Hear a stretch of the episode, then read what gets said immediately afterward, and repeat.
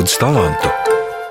Es varbūt sākšu ar pavisam nelielu četrību no Ines jaunā krājuma.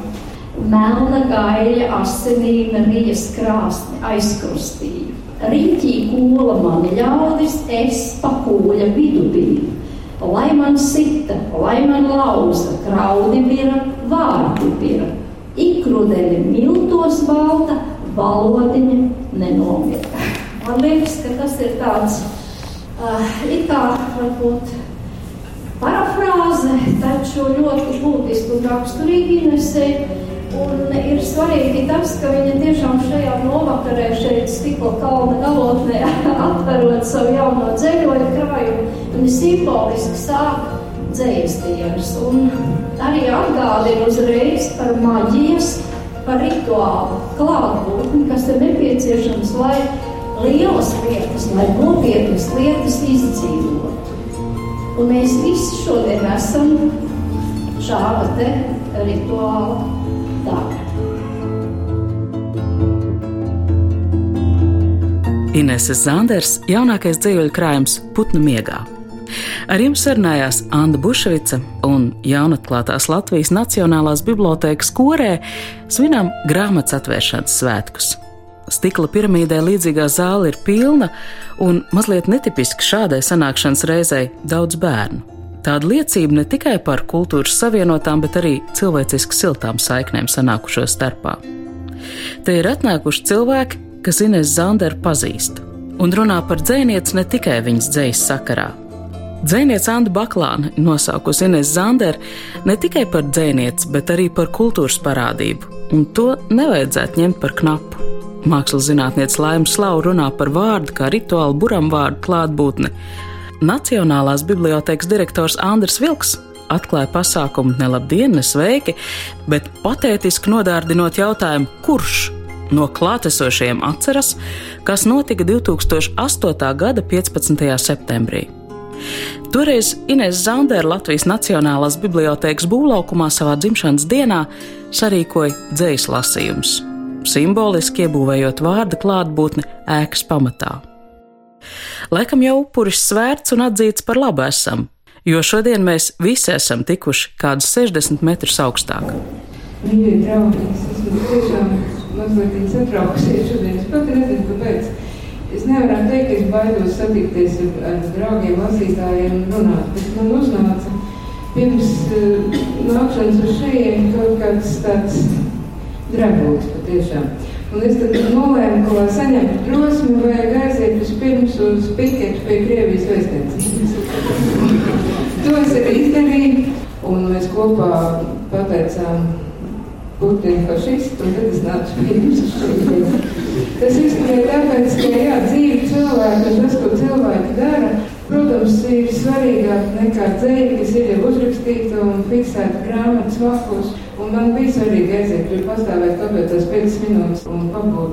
Lai gan es saprotu, ka no tā, vai es tur pastāvēju vai nepastāvēju, nekas jau pasaulē tā bija nemainījās. Šajās dzīslu dienās Inês Zandera atvērs ne tikai savu dzīslu krājumu, bet arī atjaunoto dzīslu gada grāmatu Garā pupa. Šāds dzīslu dienu krājums bērniem, kurā ir gan atzīme, gan pašu bērnu rakstītais, latviešu literatūras klasika folklora piedzima 1983. gadā. Un toreiz tam kūmās stāvēja dzinieki Ojārs Vācietis, Imants Ziedonis. Vienmēr sakot, dzinieki, kur vārdus mēs saistām ar 90. tik aktuālo inteliģences atbildību par savas nācijas pastāvēšanu. Ines Zander atmodas atplūdos bija viena no pirmajām, kas skaidri pateica, ka dziniekam nav citas atbildības kā vien rakstīt labu dzēju. Viņa ir arī viena no pirmajām, kas meklē dombiedrus un atbalstītājus, lai neļautu pazust tai domai skaidrībai par pasaules kārtību, kas reiz jau izdomāta, atrasta un iedibināta. Tev ir svarīga vēsture arī tas, ka šis izdevums ir kādas tradīcijas turpinājums. Nu, protams, ka svarīgi. Nu, man pašai pirmās publikācijas ir garajā pupā bijušas. Man tā ir mana vēsture konkrētā. Bet vispār jau, nu, mans pamatojums tam ir daudz Nu, Zini, kā Rānis rakstījis, kļūst vientulīgāks gads pēc gada, bet es negribu tik ļoti vientulīgi kļūt. Un tie nav nekādi joki. Tu zini, tik daudz cilvēku, ar kuriem es esmu bijusi kopā, vairs nav ar mani kopā. Ja tu atceries tos, ka ar ko mēs bijām viena paudze un draugi, tad nav ne klāva, ne māra māgāva, ne brūvera, ne Marģermajevska Un ko gan man būtu citu darīt, kā turēties kopā ar tiem, kur ir dzīvi? Tā es arī daru. Man tiešām ir tāda sajūta, ka tie 20, cik nu tur gadi, kopš Latvija ir neatkarīga, atkal ir uh, padarījuši savu darbu, kas tādai neatkarībai arī ir jāpadara. Ir jādod tāda kultūras suverenitāte, kur izpaužās nevis valsts pasūtījumā vai kaut kādā tematiskumā, ja, bet kultūras suverenitāte, kas izpaužās tādā nozīmē, ka ir talantīgi un izglītot cilvēki ne tāda atkarība, ka viņiem ir jāizstāj politika ar literatūru, ne arī tāda atkarība, ka viņiem ir jāslavina valsts, kurā viņi dzīvo, vai jādara kaut kas ļoti speciāli. Un tie normālie, tie īstie, Viņi var rasties tikai laiku, nu, un te viņi tagad mums visi ir, tie izglītotie un tie talantīgie. Viena grāmata pēc otras, brīnišķīgas grāmatas. Mans favorīts skatās Erts Ostups, tādēļ, ka varbūt estētiski viņš man kaut kā ir tuvāks, ja, bet es uzskatu, ka tā ir vesela plejāda vienkārši, un katrs no viņiem savādāks. Viņus nevajag, man liekas, arī siet kaut kā savā starpā vienā buntītē, domājot, ka tad nevarēs pārlaust, ja būs buntīte, bet viņi ir pietiekami stipri katrs pats par sevi. Saka, dzīvēja krājuma nosaukums putnu miegā, tā kā pusnomots, tā kā. Mm -hmm. tā kā... Bet eh, nevis tādā nozīmē, ka starp reālo miegu un nomodu, bet drīzāk starp to, kas ir bijis un to, kas nav bijis. Šajā grāmatā man vairāk kā jebkad agrāk tiešām ir tie Latviešu klasiķi stāvējuši visu laiku acu priekšā. Man te cauri un cauri ir ietekmējusi latviešu literatūra, tāda valoda, kādu ir lietojis skābe, kādu lietojis medenis, strēlērta un tam līdzīgi. Es atzīstos, es izrakstu no medeņa un no skābes rindiņas un no bendrupas, un man ir malu malās pierakstīti vārdi, ko viņi ir lietojuši. Bet tas, kas te notiek tālāk ar to visu, ja tā sajūta ir tāda, tiešām tas ir tāds pusmīgs, jo nav jau bijis nekad tāda laika un tādas īstenības, kādu es izjūtu, lasot viņu dzēju. Tas nav par vēsturi, faktiski. Tas nav par to, kas ir bijis. Protams, ja mēs uzskatām, ka vēsture ir tas, ko mēs radām paši, tad jā. Tas nav par notikumiem, kurus var dokumentāli pierādīt. Tas ir par to, kā pagātne ir nonākusi pie mums viņu lietotajā valodā. Un tas pusmiegs ir kaut kas tāds, kurā es visu laiku dzīvoju. Tā ir sajūta, ka pagātne ir reālāka gandrīz par to, kas notiek šodien, jeb arī, ka tās ir kaut kā samēnām jēdzieni.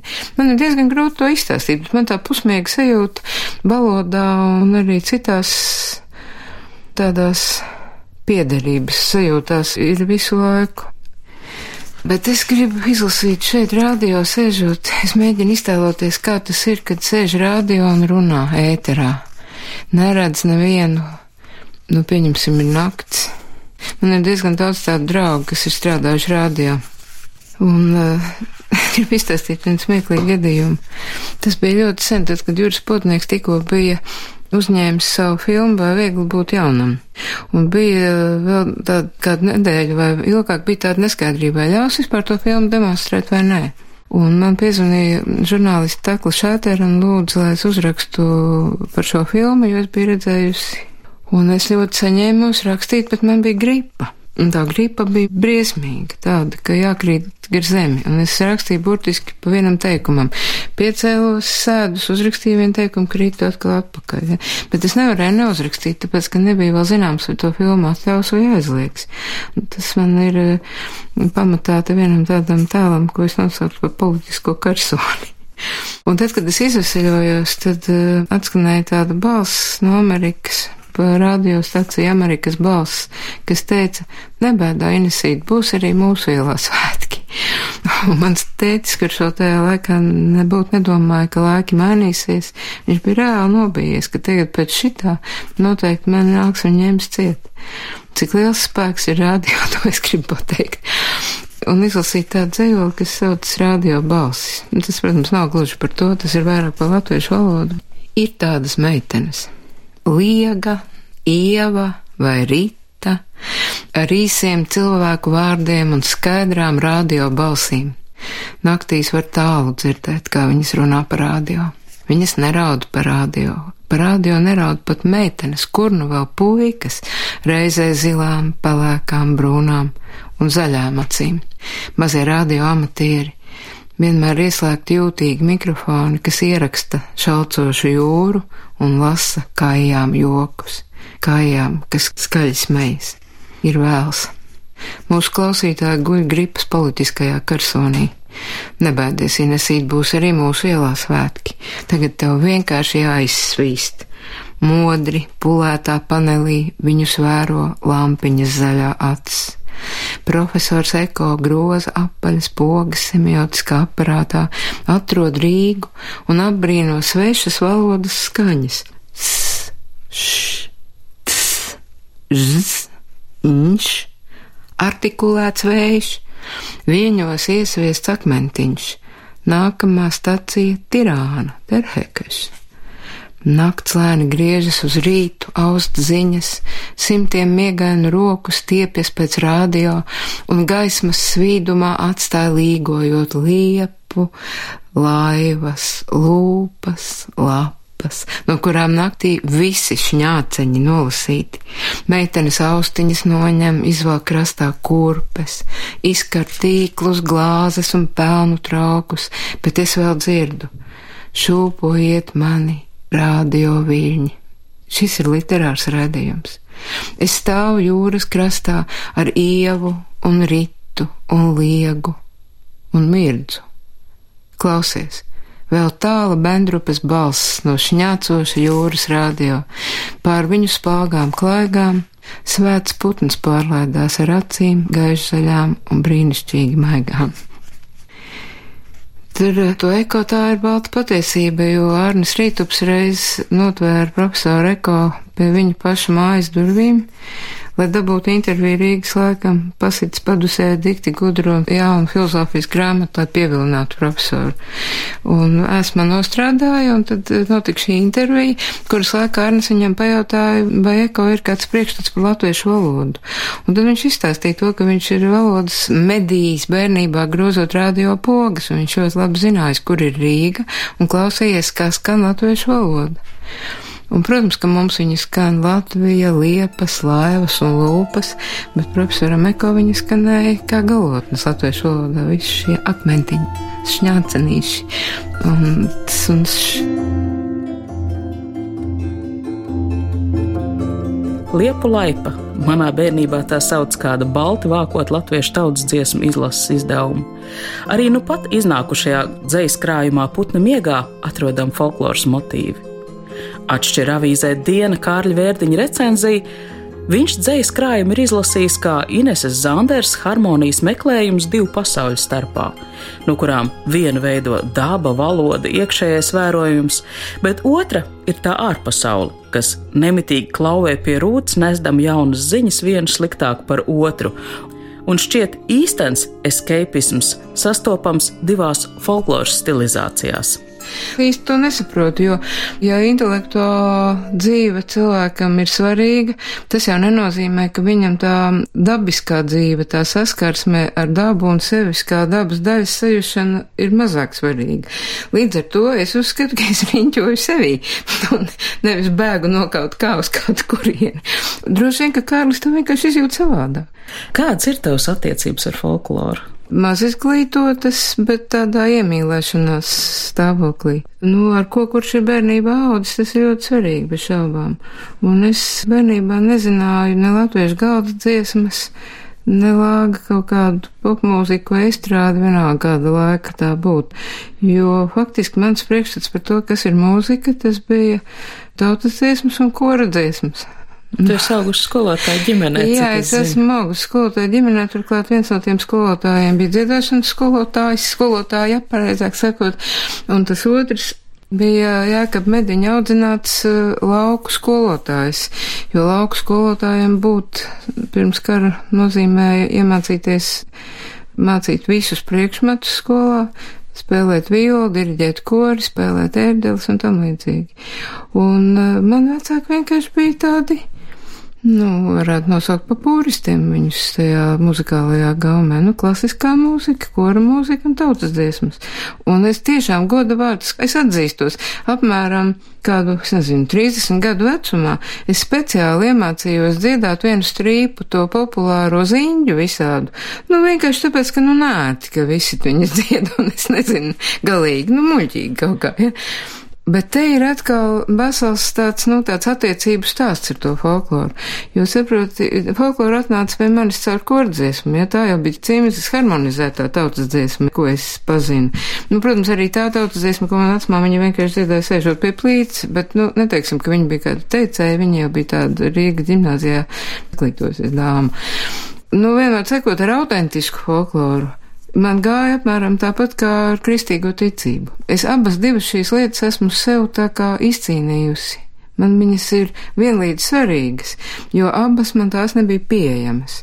Un es uz šī te klasiskās mūzikas un kora mūzikas pamata esmu uzbūvējusi tādas divas ēkas, cieši blakus, atsakos viņus pretstatīt un uzskatu abas par latviešu mentalitātes svarīgajām sastāvdaļām.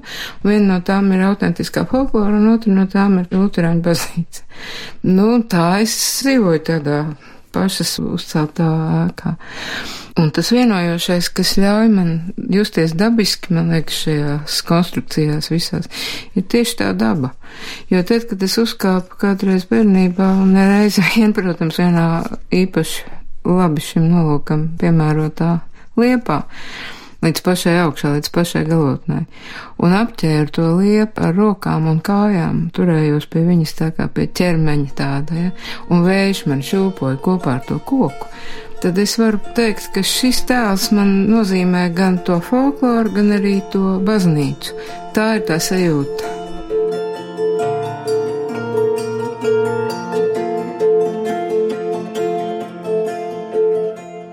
Nu, es izlasīšu vienu dzējoli, un tas pat nav no tās grāmatiņas. Es viņu izlasīšu tāpēc, ka tur ir bērnības iespēja, mani radi, un to es uzrakstīju tikko. Un tur ir gan bērnības iespēja, gan tie tagadējie. Še, še dus dieva mierā, kāds jauneklis, Aleksandrs, X pa vidu, meitenes viduklis, vējš kā nezināms skāvējs un skūpstītājs ložņā, še zem ozola kuplajiem zariem. Še apsūno bērnība, še nešķirām ir mani s un z, sapīti cieši līdz sāpēm kā divas lotiņu bizes, bet vēl kā Maksis un Mārits nešpatni uzvesties manās, lai izmāca viņus tagad vecā doles zandera rādāms koks, kamēr pa Daugavu zanderi citi nēģus un zandartus dzējo kā klambari sacērts viņu žokļi un mutes ciet. Nekāds piektais gads tādus nenozvejos. Še, še, krieviņu kuivu Andrejs un skolotā kuivu Milda, laka kurpēs vīra maizē, ar mirēju ķīmisko zīmoli, rūtiņu papīrā iekalta uz nākamības gadiem.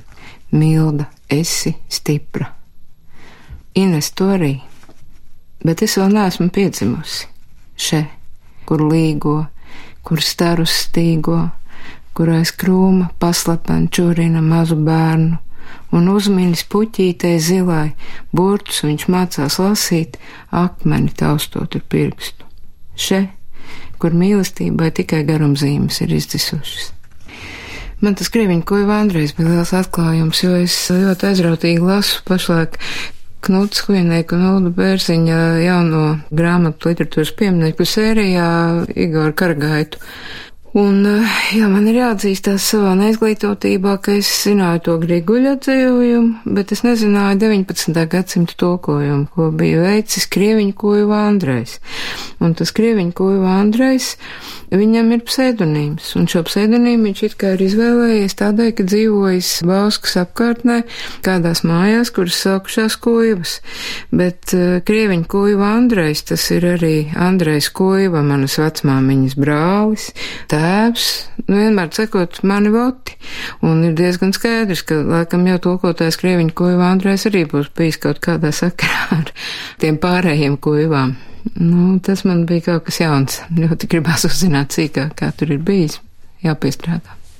To dzīvi tu lasīji Mārtiņa kapos, kur tu biji sasaukus dzēnieks uz pastēju. Mm -hmm. Es tur blakus dzīvoju. Es pa vienu pusi, pa virtuves lodziņu redzu stūrīti no botāniskā dārza, un pa verandas logus redzu Mārtiņa kapstūrīti. Un pēc tam mums bija jāiet paskatīties uz to šķūnīti aiz kāmaņa mūža, kur mm. nosauktavs kaimiņš. Un es gandrīz vai nodarbēju šajā dzēļu krājumā, atrodot tiešām tādu dzējoli, ko tu esi veltījusi savam kaimiņam, mm. kurš nosaukt šķūnītī. Tu gribi to dzirdēt? Jā. Viņš nebija mūsu, pavisam un tikai savs pat ne savas mātes vecais nabaga bērns, kura dēļ māte gandrīz aizmirsa nomirt. Viņai bija tik augsti, it kā rokas steigtos jau laikus salasīt klēpī visu sniegu un salu un atdot to mums, lēpnajiem garām gājējiem, kuriem te pieder saule. Viņš nesaprata šo dzīvi, Uzbrukta ir cirvi, lai pārcirstu asinsvadus, pa kuriem joņotās elektrība, kurināja krāsni ar akmeņoklēm, nepazina Latviju, tikai dzīvokli, dzīvokli, kā savu roku, vēderu, ausi, kāju, un viņš neticēja, ka par savu kāju jāmaksā. Dzirdot labdienu, katru reizi saspringa viņa strupais kakls, Viņš aizgrieza projām visu sevi, acis un seju un pieri zem melnas naģenes paslēptu, pilnu apjukuša cilvēka netaisno dusmu. Viņš negribēja mūs redzēt. Mēs bijām naktī čīkstoši pakāpieni, glūņas, kas zogas aiz viņa, slepus nomainot atslēgas, sētas durvīs. Mēs augām aiz viņa logiem kā pagāma koki, taču koki nekad neklauvē un nemēģina dzīvoklī ienākt. Viņš neatvērtu pat kokiem bet viņu nelika mierā ar laipnību, pieklājību, tēju termosā, diakoniju, īres parādiem, tiesu un policiju, ar pensiju un sociālo māju, ar siltu elli, no kuras viņš prata vienīgi aizbēgt. Dažas segas, nazis, viegli noraujam piekaram atslēga, vieta, no kurienes iztālēm redzams dzīvoklis, pāris veltīgu labdienu, noklusēts labrīts pēc pirmās sala nakts, neviena labvakara, jauni kaimiņi, bailes no ugunsgrēka, bailes no naža, bailes no izsista loga, bailes vai tā, kas runā patiešām ir sirdsapziņa. Sniegā vienīgi putnu pēdas, kilogramiem sēkliņu putnu barotavā, desmitiem pārziemojušu putnu ikdienas, viens ar dievu. Kaimiņš iekš Kristus miris ledānā aprīlī, varbūt jau martā vai ziemā. Vairs pat ne savs, un beidzot patiešām mūsu, nosalis mūsu malkas šķūnītī. Te var redzēt, kā vida ietekmē literatūru un no kā rodās. Ja, bet tev ir svarīgi, lai kaut kas nosapņots būtu nu, arī taustām reāls, kā šajā gadījumā tavs radinieks vai otrādāk. Nu, man zina, kas bija svarīgi. Nosapņotājs mūsu dzējā ir Uldis Bērziņš, un viņš bija nosapņojis un vienā grāmatā uzrakstījis uh, dzējolī, ka viņš redzējis tādu sapni, ka Zandara ar Sirmu bīzi vērmaņdārzā rīko dzējas dienas mirušajiem dzēniekiem. Un es tāpēc nolēmu, ka es izdarīšu otrādi. Es kapos sarīkošu dzējas dienas dzīvajiem dzēniekiem, jeb, teiksim, dzējas kapusvētkus, ties Mārtiņa kapos. Jā, nu tā cilvēki jau patiesībā arī tie, kas ir dzīvi, atrodas vienmēr drusku starp tām pasaulēm. Un arī tur augšā, starp kāju valstību un grāmatu krātuvi, Nacionālās bibliotēkas pašā korē Ines Zandera izstāsta, ka šurpnākot prātojas vai nepaņemt līdzi kādu piemiņu lietu, kas viņai tikus pirms sešiem gadiem rīkojot dzējas pasākumu LNB būvlaukumā. Tā ir celtnieka ķivera ar uzrakstu uz pieres iemūrētie. It kā jau ļoti piemērota pasākumā, kurā bez dzīslas krājuma putna miega atvēršanas paredzēta arī topošās Erika Ešenvalda operas iemūrētie libretu lasījumi. Piemērot jau būtu, bet šoreiz vairs nē. Tie laiki, kad uz Nacionālo bibliotēku bija jānāk ar ķiveru galvā, paldies Dievam, ir pagātnē. Erika Ešemelda operas, kuras pamatā ir albāņu teika par iemūrēto sievu, pirmizrāda Latvijas Nacionālajā operā plānot pavasarī. Un Ines Zanders versijā tas būs stāsts par bibliotēkas celtniecību. Viena no brīnišķīgām bibliotēkas darbiniecēm man teica, ka mūsu mārketings un PR nemaz tik laimīgs varbūt nebūs par to operu. Jo nu, tur ir traks lietas notiek šajā bibliotēkas būvniecībā. Varbūt tas nemaz nav tas, ko mēs gribētu sev asociēt. Un es teicu savukārt, jā, vajag to mārketingu mierināt ar to, ka bibliotēka tiek uzcelta operas gaitā. Tas labas beigas, ja kurā gadījumā neraugoties to, ka visi varoņi galvenie ir savā ziņā upurā. Jā, starp citu runājot par tām grāmatu saskaņām.